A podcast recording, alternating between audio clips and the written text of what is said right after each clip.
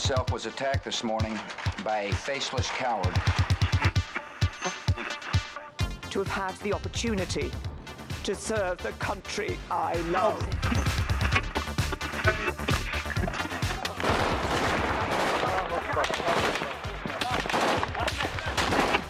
Den Einsatz für Frieden und Freiheit in Deutschland, in Europa und in der Welt. We will southern border. I beg you, please do not fail on this.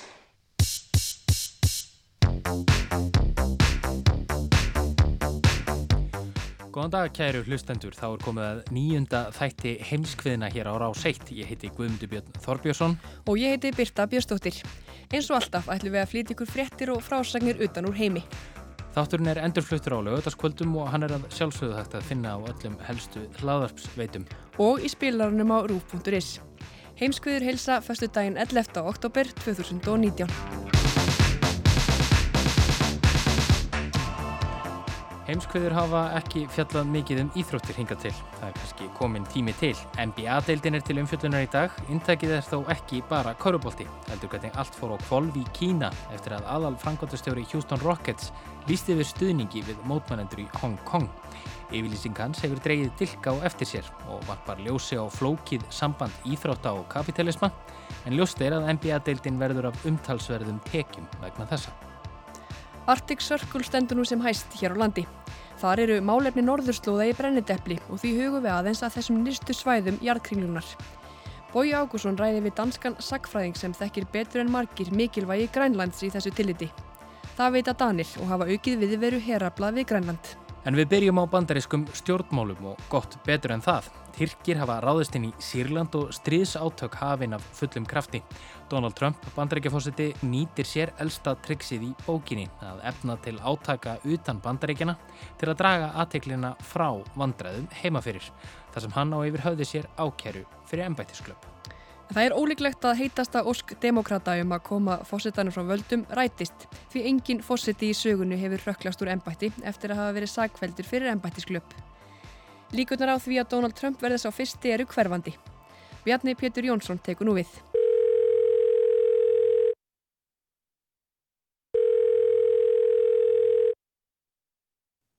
Símin ringir á skrifstofu Forsetta Úkrænu Latimir Silenski klukka nýju að modni 20. og 5. júli í sumar. Á línunni er Donald Trump með hamingi óskir til grínistans sem hafði skömmu áður unnið stóra sigra. Hann var orðin Forseti Úkrænu og flokkur hans með hreinan meiri hluta í þinginu. Til hamingjum með frábæran sigur. Við fylgdumst með frá bandaríkjónum og þú stóðst í frábærlega. Þið áttuð undir höggasækja og fenguð ekki mörg tækifæri en unnuð á endanum örugan sigur. Þetta er stórkostlegt afreg til hamingju. Við erum miklir vinir og þú, herra fórseti, átt marga vini hér í Úgrænu svo að við getum haldið áfram að treysta böndin. Ég ætla líka að fá til liðs við mig gott fólk og ég get staðfest sem fórseti Úgrænu að alla rannsóknir verða unnar heiðarlega og fyrir opnum tjöldum. Ég get fullvissa þig um það. Gott, vegna þess að ég heyrði að þið væru með ríkissaksóknara sem væri mjög góður en að hann hefði verið stöðvaður og það er mjög ósangjant. Það er fullt af fólki að ræða um þetta, hvernig þessi hæfi ríkissaksóknari var stöðvaður og það voru margir skuggalegir náungar viðriðnir. Það er mikið rætt um Són Biden og um að Joe Biden hafi stöðvað rannsóknina og fullt af fólki sem vill að kafað verði ofan í það. Svo allt sem þú getur gert þegar kemur að ríkissaksóknaranum væri vel þegið. Biden var svo að gorta sig af því að hafa stöðvað rannsóknina svo ef þið getu kíkt á þetta, þetta hljómar alveg hræðilega. Þetta hljómar nefnilega alls ekki vel. Þarna er fórseti bandaríkjana að þrýsta á rannsókn á pólitískum anstæðingum sínum til að reyna að koma höggi á þá fyrir komandi fórsetakostningar. En hefur Trump eitthvað fyrir sér og hver er þessi vafassama fortíð bætin feðkana í Úkrænu?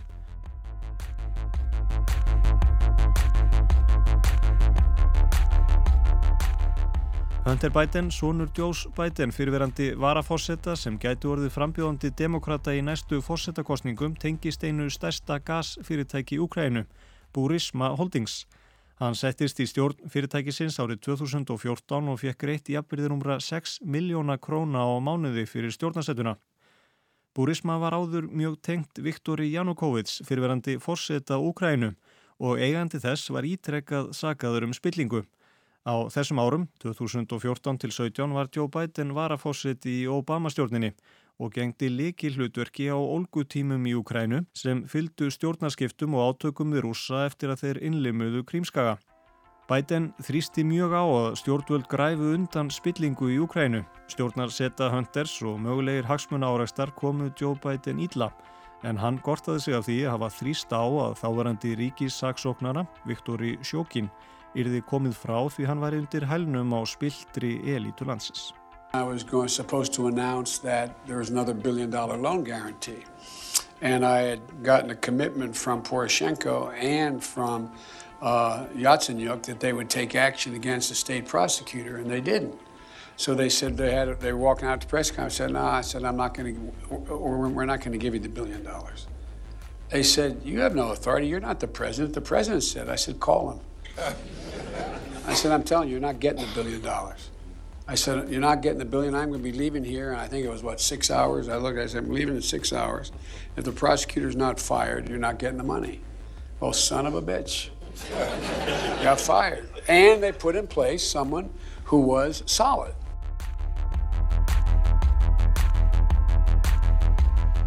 Núarandi ríkissaksóknar í Ukrænu hefur á annan tug mála sem tengjast búrisma til skoðunar en flest þeirra eru frá árunum áður en afskipti bætin feðga hóust.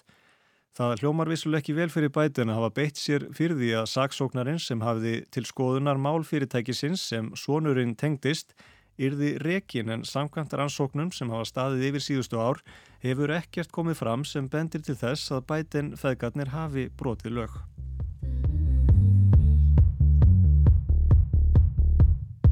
Marki republikanar hafa geipið til varna fyrir fósettan og þar er aðalega tvent sem klifaðir á að Trump hafi ekki gert neitt rámt með því að þrýsta á rannsókn á bætinfæðgunum og að krafa hans um rannsókn hafi verið brín til að berjast gegn landlægri spillingu í Ukrænu. Þá hefur einnig verið bent á að svona gerist kaupin á eirin í alþjóðstjórnmálum, hagsmunir og hagsmunabaráta og allt reynd til að fá sínu framgengt. Það hafi fórsetar demokrata gert og þeirra fólk og því engin ástæði til að bregðast við þó Trump geri slíktið sama.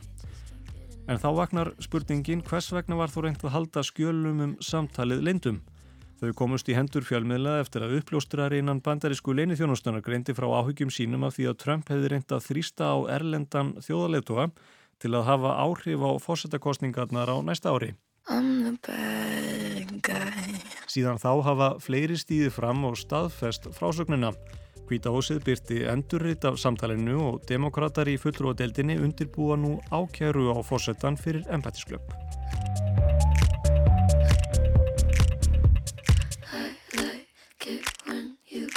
Og nú er ákjæran í ferli í þinginu og rannsókn hafin í fulltrúadeildinni þar sem rætt verið við þá sem að málunu koma. Reyndar hefur hvítahósi staði vegi fyrir því að sumir þeirra fái að mæta í yfirheyslu hjá rannsókanemdum þingsins. Hvers vegna ætli það sé? Og hvers vegna þessi ákjara núna? Trump hefur verið sagaður um gróari brot síðustu ár. Hann á að hafa hindrað framgang réttvísinnar í rússaransókninni og misbeitt valdi sínum marg oft. Hvað veldur því að demokrater stökka af stað núna? Bjarni, aftur.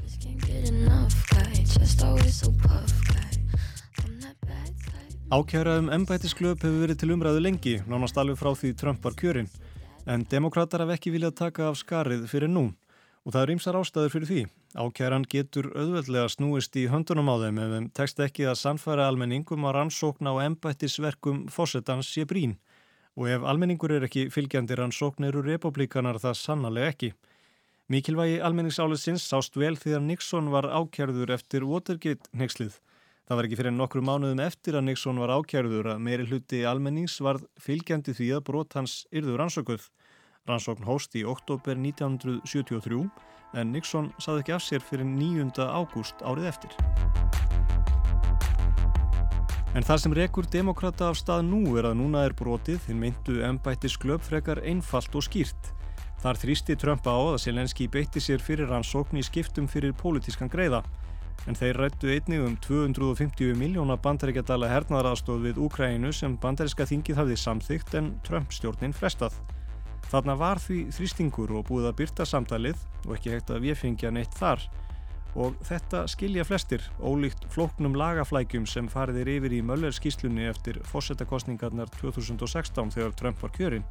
Þá voru vissulega háæra rættir innan demokrataflokksins sem vildu ákjæra fósettan en fórustan vildi stíga varlega til jarðar því það gæti gefið málflutningi fósettans um nortnaveiðar byrjundir báða vangi.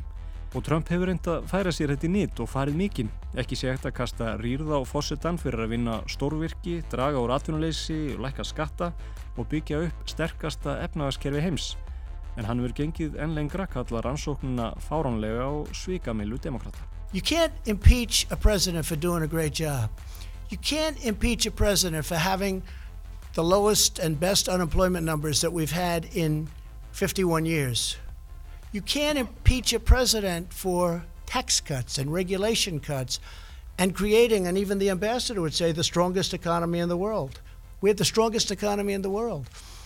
This is a scam. Trump segir þetta svikamillu demokrata og það fer vel í stuðnísmenn fósittans því samkvæmt flestum konunum er almenningur ekki fylgjandi rannsókn. Stuðningur við rannsókn hefur aukist síðustu daga og niðurstöður kannana sem byrtar voru í vikunni sína stuðning meðal almennings við að ákjæra fósittan en ekki að hann fari frá.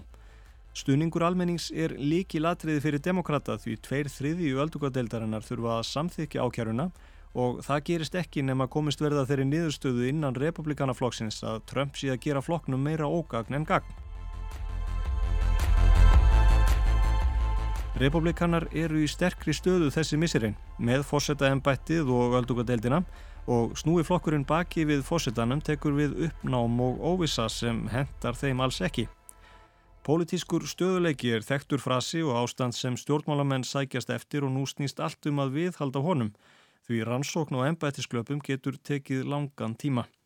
Republikanar hafa til þessa varið fósittan og gert lítið úr ásökunum sem uppljóstrarinn kom fram með, segja hann hlutdragan og hallar réttu máli og hann byggi ekki á upplýsingum frá fyrstu hendi eða þá að fósittin hafi einfallega verið að grínast þegar hann óskaði eftir rannsókn á bætenhækon.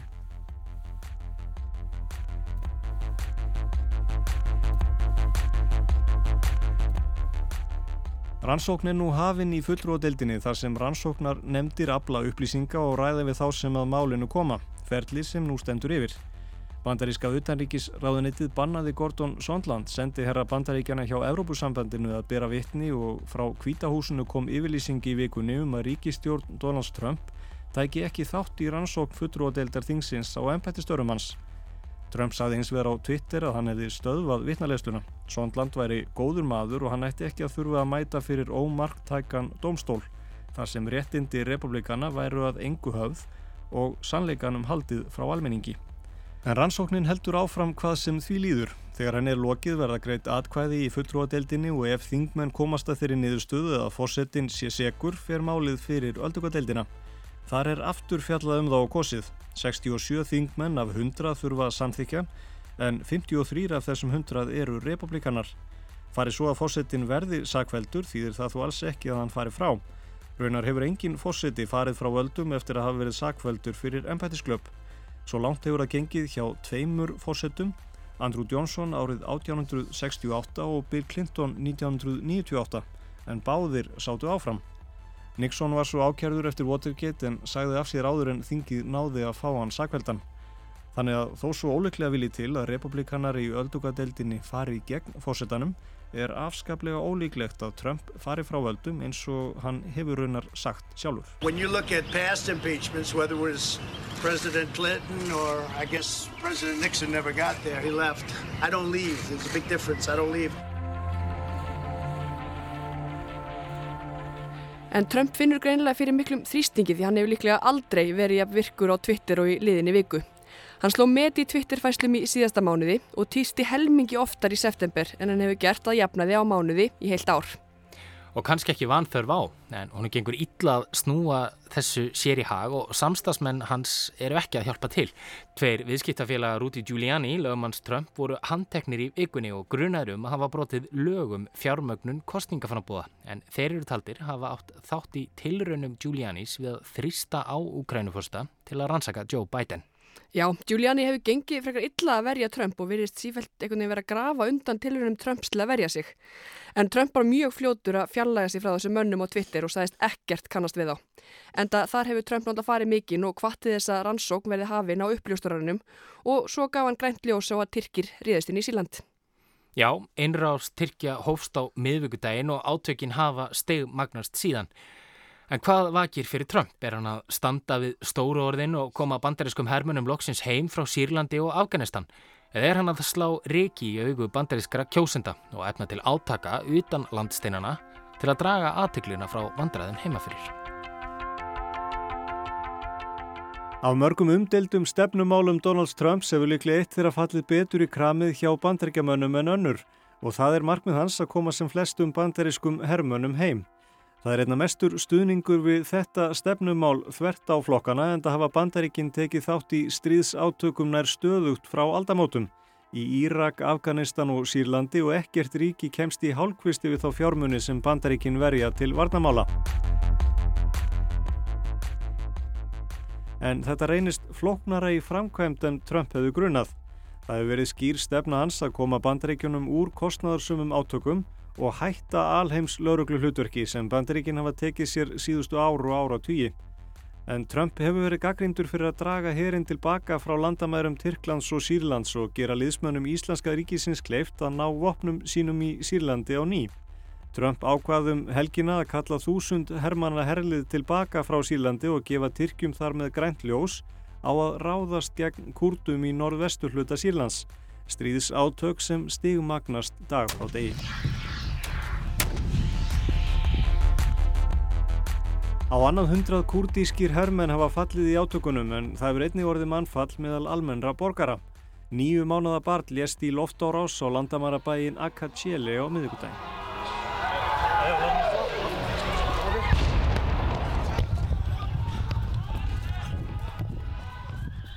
Tugþúsundir eru á flótta frá bæjum og borgum við landamærin en kurdar segjast að var hrundið árásum Tyrkja við nokkra þeirra. Kurdar gengdu líki hlutverki að berja niður Íslamska ríkið í Sýrlandi með stuðningi bandaríkjana og marga republikana svíður að nú snúi fórsetin baki við þessum bandamennum. Trump segir kurda aðeins berjast fyrir sínu eiginlandi og hef ekki komið bandaríkjamennum til aðstóðar, til dæmis í setni heimstyrjöldinni. Now the Kurds are fighting for their land, just so you understand. They're fighting for their land. And as somebody wrote in a very, very powerful article today, They didn't help us in the Second World War. They didn't help us with Nor Normandy, as an example. They mentioned names of different battles. They were there, but they're there to help us with their land, and that's a different thing.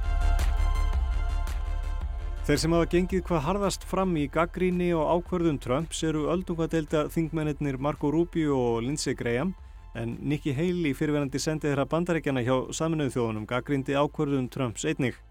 Graham segir að brottkvarf bandarækja hers verði vatn á millu öfgasinnaðra íslamista í Sílandi. Gaggrinni Grahams vegur vantanlega þingst því þeir Trump hafa verið miklir mátar upp á síðkastið og Graham varið fórsetan með kæfti og klóm og saði brjálaði að ákjara hann fyrir embætisklöpp. Like en fyrir fjarrið að Trump og Graham hafi alla tíð verið nánir. Lindsey Graham var einn harðasti anstæðingur Trumps þegar hann sótist eftir útnefningu republikanaflokksins árið 2016. You know how you make America great again? Tell Donald Trump to go to hell. He's a race-baiting, xenophobic, religious bigot. En þetta eru breyst mikið og nú eru Graham og Trump miklir mátar. Graham segir að ekkert í samtali Trumps og Úkrænu fórsetta gefi tilipni til þess að ákjæra fórsetan. Þar hafi ekkert brotverið framið og því ástáðu laust að hefja ferlið.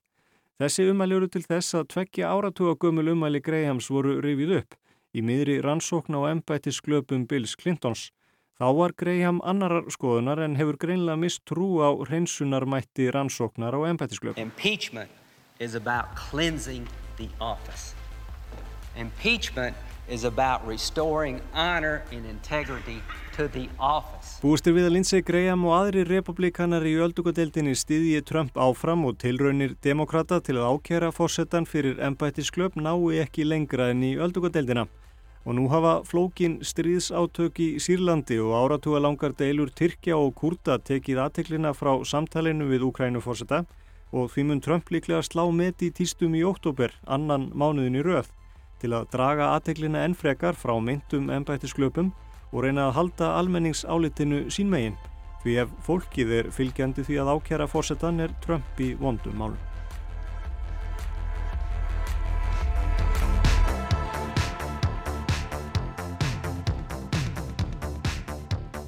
Og við höldum okkur í bandaríkjunum en hugum aðeins að íþróttum, nánar tiltekið NBA-deildinni.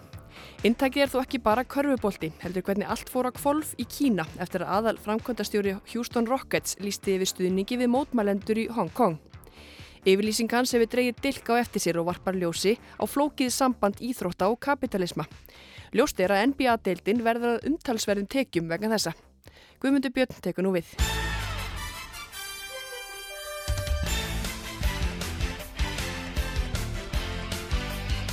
NBA-deildin, stærsta, besta og langfrægasta kauruboltadeild heims fer af staða nýju eftir sumafrí 22. oktober næstkomandi.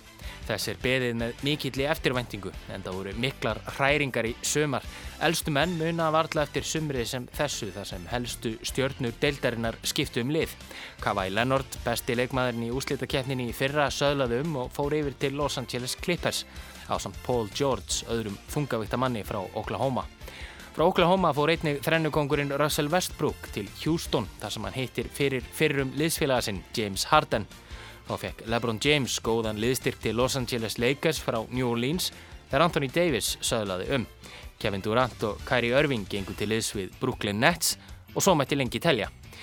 Það er því spennandi vetur í vendum fyrir körubólta áhuga mann, en fyrir þá sem vita minna um körubólta er verðt að nefna að NBA-deildin er einn stærsta íþróttadeild heims og nefna tekjur hennar á ársgrundvelli með einn 7 miljardum bandarækjadólara, það bleið 900 miljardum íslenskra króna. Og þessi tekjulind kemur ekki aðeins frá bandaríkinum, nei, því fer fjarrri. NBA er stærðarinnar vörumerki á alþjóðlega vísu og hvergi er deildin stærri utan bandaríkjana en í Asíu, nánar tiltekið í Kína þar sem körfubolti nýtur mikill að vinsælda. Talið er að tekjur NBA-deildarinnar sem koma með beinum hætti frá Kína, frá auðlýsingasamningum til síningarétta á leikjum, séu heilsinni yfir 500 miljónir bandaríkjadólar á áskrundvelli. Í júli náðust til að mynda samningar melli NBA og sjónvarpssamsteipunar Tencent upp á 1,5 miljardar dollara. En nú er Babb komið í bátinn og svo geti farið að tekjur NBA-deildarinnar fari snar lækandi. Allt vegna eins lítils týsts á samfélagsmeilinum Twitter. Daryl Morey, aðal framkvæmtastjóri NBA-liðsins Houston Rockets, liðsins sem ætlar sér stóra hluti með þá félaga Westbrook og Harden í brotti fylkingar, er sökutólkurinn.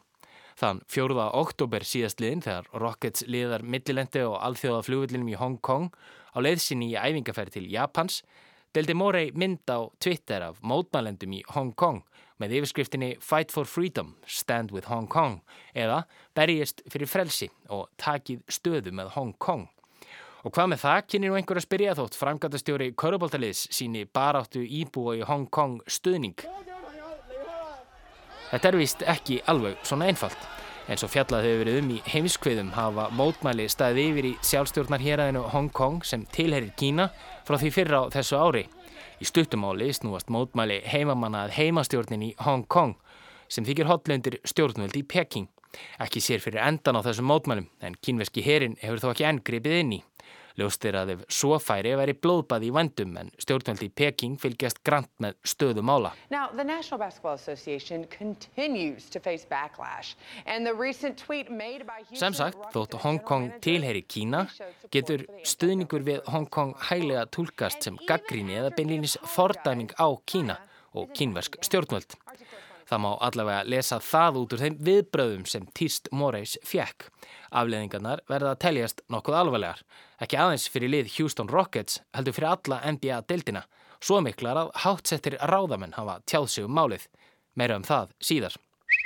Um leið og Morey setti týstið í loftið var skaðinn skeður. Á svip stundur yðust netheimar að Morey og týstans vakti hörð viðbröð og mikla reyði. Þar með talið svívirningar og líflátshóðhennir frá kínvöskum almenningi. Ekki var liðin ein klukkustund frá týstinu þegar eigandi Houston Rockets, Tilman Ferita, gaf út yfirlýsingu þess efnis að skoðun Moreys endurspeglaði ekki skoðanir liðsins. Liðið væri ekki pólitísk samtök. En kínverjar eru enga veginn á sama máli og ekki bara almennir borgarar og áhuga mennum körubólta, nei, þetta veriðist ætlað að draga dilka á eftir sér.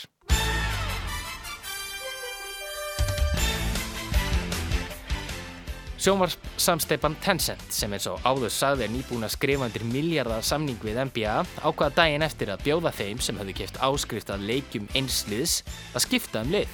Með öðrum orðum, Vildi fólk hætta að styðja við bakið á Houston Rockets þá stóð það til bóða. Setna steg samsteipan skrefi til fulls og tók dagskrárvaldið í sínar hendur. Allir leikir Houston Rockets voru teknir af dagskrá. CCTV, kínverska ríkisjónvarpið, gerði þið sama. Ó, pjárlega því svo! Æjó, æjó, þetta er langt feia! Þetta er svo í aðeins.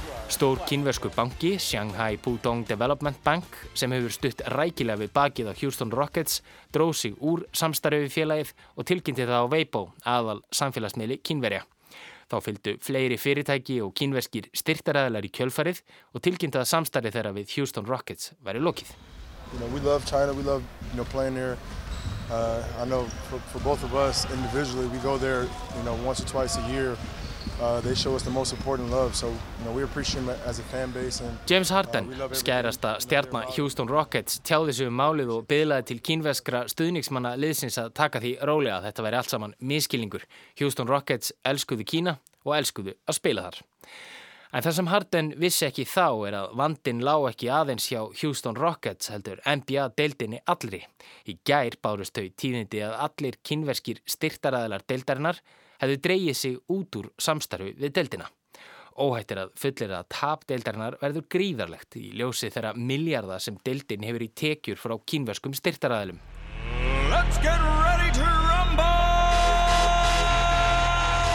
Viðbröð Adams Silver, aðal framkvæmdastjóra og alls ráðanda NBA-deildarinnar hafi ekki síður vakið aðtekli. Á sunnudag gaf deildin sjálf út yfirlýsingu um málið þar sem atvikið var harmað og sagt að skoðanir Darrells Morey endurspegluðu kvorki skoðanir liðsins nýja deildarinnar. Hins vegar, og þetta er mikilvægt, kemur þar fram að NBA-deildin haldi þeim gildum á lofti að það sé mikilvægt að einstaklingar sæki sér þekkingu og þeim sé frjálst að tjá skoðanir sínar. And uh, essentially, what I've said in that statement is the long held values of the NBA are to support freedom of expression, and certainly freedom of expression by members of the NBA community. And in this case, Daryl Morey, as the general manager of the Houston Rockets, enjoys that right as one of our employees. Hmm. Á þriðið dag byrtist svo önnur yfirlýsing frá Adam Silver þar sem þetta var áréttað. NBA-deildin stiður við jafnbretti og tjáningarfrelsi. Viðbröð Adams Silver þóttu koma nokkuð á óvart en það hefur NBA lagt mikið á sig við að gera NBA-deildina vinsala í Kína og varði til þess miklum tíma og fjármunum. Fjölmörg lið fara á hverju undirbúinistíðanbili í æfingaferðir til Kína og leika þar síningaleiki og sem fyrir segir eru gríðarleir fjármunir í húfi í formi auðlýsingarsamninga og síningarétta.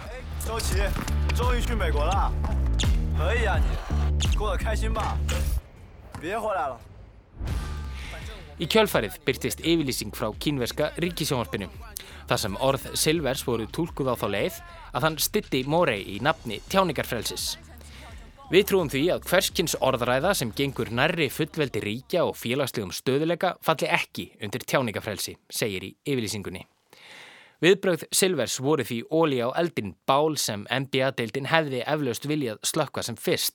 Tekjur deildarinnar frá Kína einu saman nema heilum 10% af heildartekjum NBA og gætu náðu bí 20% fyrir árið 2030.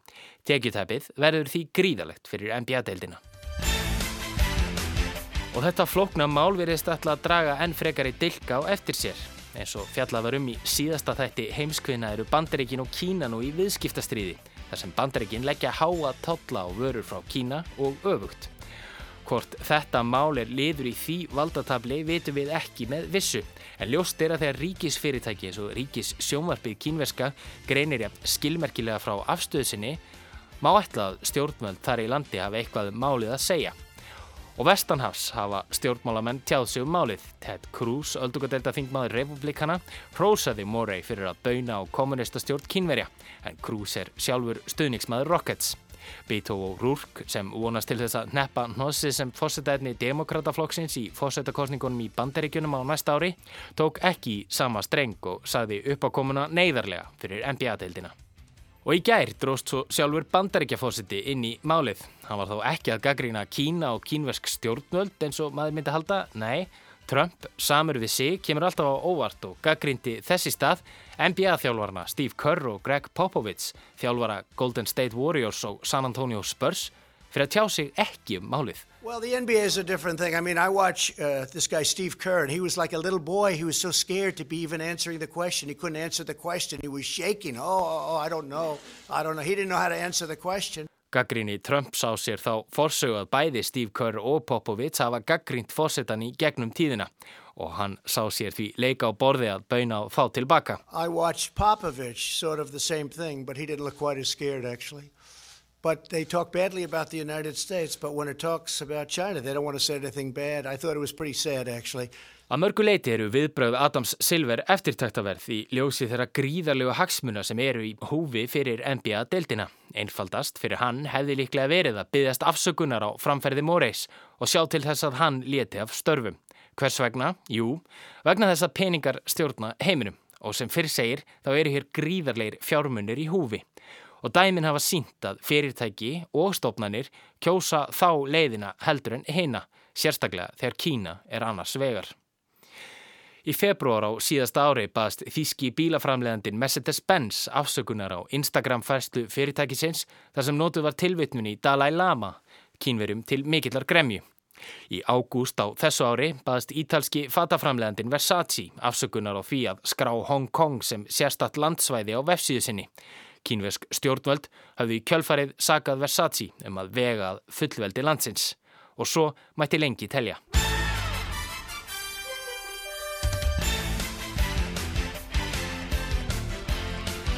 Þetta mál, þessi litli neisti sem varðað stóru báli, vekur því stærri spurningar um samband kapitalisma og íþrótta vegna þeirra stóru markaða og viðskiptasvæða sem fyrirfinnast í Asíu og þó sér í lagi í Kína. Síðustu ár hafa stærstu knatsbynnulið heimskjert sér grein fyrir þessu. Þýsku meistararnir í bæin München opnuðu til að mynda útibú í Kína á síðasta ári Úli Hönes, framgættastjóri liðsins, saði að það er því sangallaður happa fengur fyrir bæjarn ef kínverskur leikmaður kæmi úr þeirra röðum. Orð Hönes ber þó ekki endilega að tólka þannig að kínverjar séu svona góður í fótbolta. Ó nei, heldur vegna þess fjárhagslega ávinnings sem bæjarn myndi hljóta af slíkum leikmanni.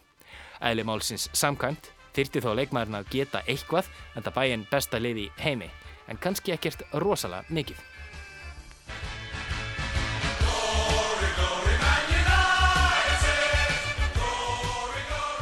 Það sannaði sig þegar ennska stórlið Manchester United keipti hinn þá 19 ára gamla Dong Fang-su árið 2004. Margir yftu aukslum. Dong hver? Dong var nefnilega ekki sérstaklega góður og lekaðins einn leik fyrir United. En hann var kynveri og koma hans til United gerði það verkum að markasvæði United í Asju stækkaði til muna. Stuðningsmönnum fjölgaði og treyjusala jógst. Þegar United fór í æfingaferð til Asju árið 2005 spilaði Dong í þremur leikjum leðsins. Þótt vitað væri, hann mætti ekki spila í ennsku deildinni þar sem hann hafði ekki fengið atvinnuleifi á Englandi. Nýverið opnaði spænska stórveldið Barcelona Akademíu í Peking og erki fjendur þeirra í Real Madrid er í nánu samstarfi við úrvasteldafélagið Guangzhou Evergrande. Leitin að næstu asísku stjörnu er því ekki aðeins knatsbyrnulegs eðlis, heldur einnig fjárhastlegs. Hinn sí stækkandi millistétti í Kína, sem hefur meira á milli handana en áður, er líka það sem þessi lið horfa nú til þegar þau vekja áhuga á sjálfum sér sem markasvöru.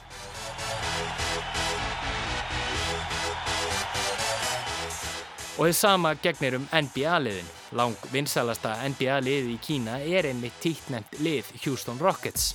Eða það var það allavega þar til í þessari viku. Ástæðan er einföld.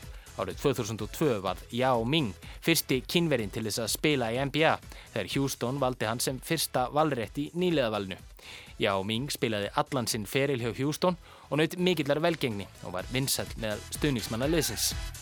With the first pick in the 2002 NBA draft, the Houston Rockets select Yao Ming from Shanghai, China and the Shanghai Sharks.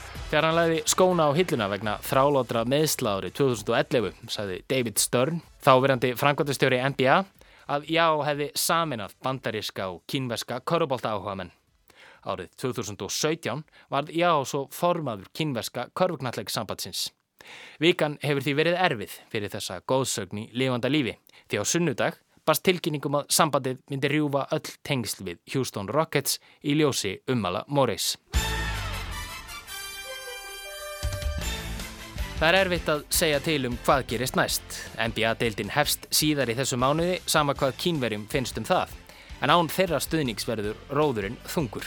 Adam Silver hefur óskað eftir því að ræða við sjálfan Já Ming um málið. Já hefur ekki enn tjáð sig ofinberlega um málið þótt kínverska korruknallegsambandið hafi slitið tengslinn við Rockets. Sagan segir nefnilega að völd Já séu það mikil að hann sé stærri en sjálft sambandið. Hann er vissulega 229 cm á hæð en þið vitið hvað ég á við.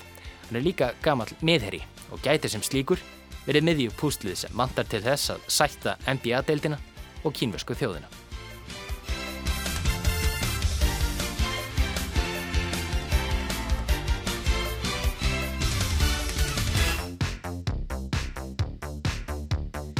Nú er upprunnin þessi tími ásins það sem orðin Arctic Circle heyrast mjög reglulegi fréttum.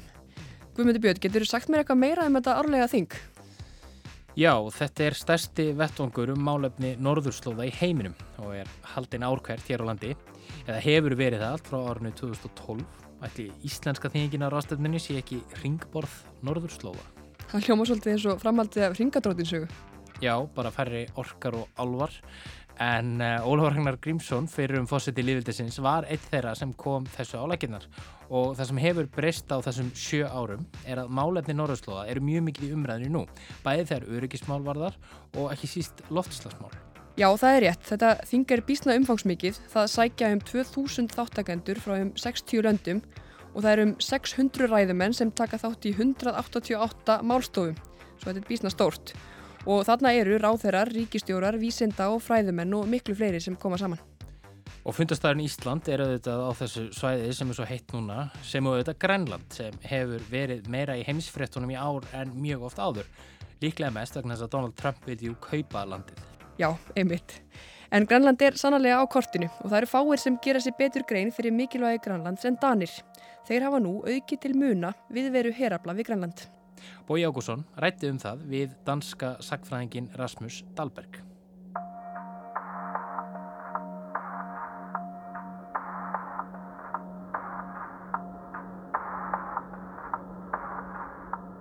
Dr. Rasmus Dahlberg er fræðimaður og kennari við Háskóla Danska Hersins Forsvarsakademíið. Hann er sagfræðingur og hefur meðal annars að rannsakað og skrifað um sögu samskipta Dana og Grænlendinga. Dahlberg, sem einnig hefur kent við Háskóla Íslands, rætti stöðu Grænlands í fyrirlestri þjóðminnarsafna í síðustu viku á vegum Varðbergs, samtaka um vestræna samvinnu. Dahlberg segir ekki vafa að mikilvægi Grænlands og Íslands hafi aukist að nýju. Þess vegna hafi Danir aukið viðveru herabla á Grænlandi og í sumar hafi freigáta verið við eftirliststörf á norðurslóðum i fyrsta sinni. Skipið er Peter Willemoes, flagskip danska flottans. Det er klart, det er en, en dansk fregat, Peter Willemoes, danske flådes flagskib, nu her i, i sommer for første gang har været på, på patrulje i, i Arktis, øh, er et symbol på, at der sker øh, forandring af opfattelsen af sikkerhedsbilledet fra, fra Danmarks side. Viðvera þess að öfluga herskips er táknýra sjónamiða varðandi varnir á norðurslóðum, segir Rasmus Dahlberg.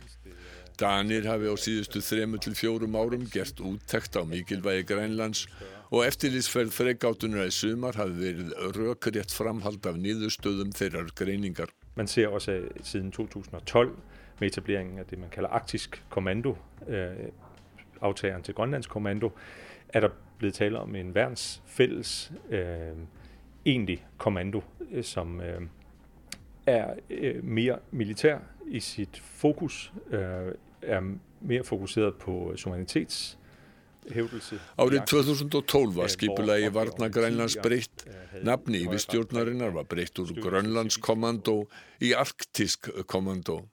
Hlutverk Arktis kommando eru varnir norður hluta danska ríkissambandsins færi á Grænlands.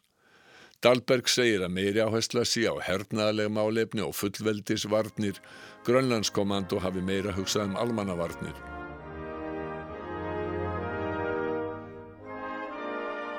Grænland eru auðvitað stærsta eiga heims og danski herabling getur ekki einn og óstuttur varið landið. Der er ingen tvivl om Danmark er et lille land. Danmörk er lítið land, segir Rasmus Dahlberg og ef kæmi til vopnaviðskipta yrðu Danir háðir bandalagsþjóðum í alliancepartnere. Til þessa hefur danski sjóherrin notuð svo kölluð inspeksjónskip til eftirlits á Norður Atlansafi við Færiðar og Grænland. Skipin eru meira í ætt við varskip en eiginleg herskip.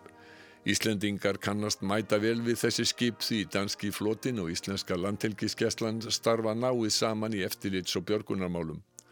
Dönsku varskipin eru fjögur sýsturskip, Tettis, Triton, Veðrin og Víðbjörnin og þau koma oft til hafnar á Íslandi.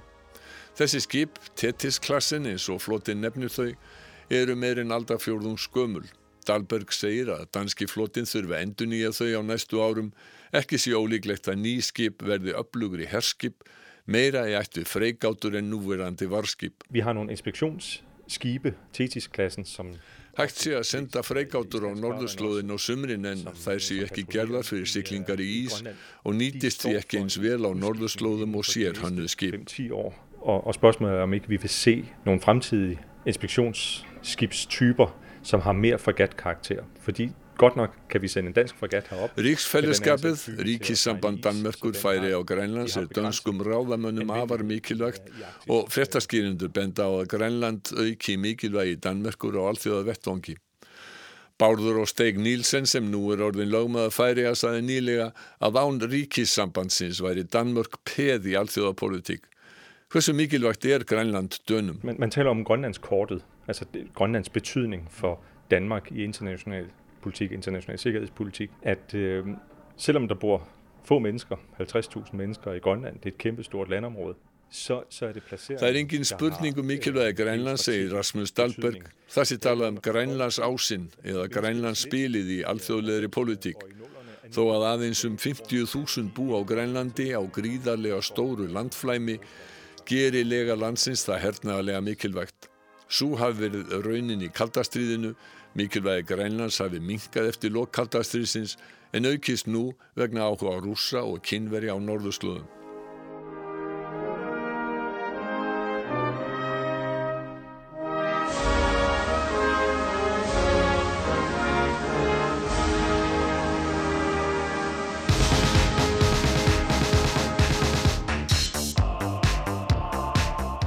Heimskuður verð ekki fleiri þessa vikuna. Þátturinn er endurfluttur á lögutaskvöldum á Rás 1 og þá er hægt að hlusta á þáttin á öllum helstu hlaðvarpsveitum. Já, og í spilaranum á rúf.is. Á vefnum er einnig hægt að lesa ítarlegar fréttaskýringar sem eru unnar upp úr umfjötunarefnum þáttarins. Við þökkum þeim sem hlýtu. Og heyrumst í næstu vikum.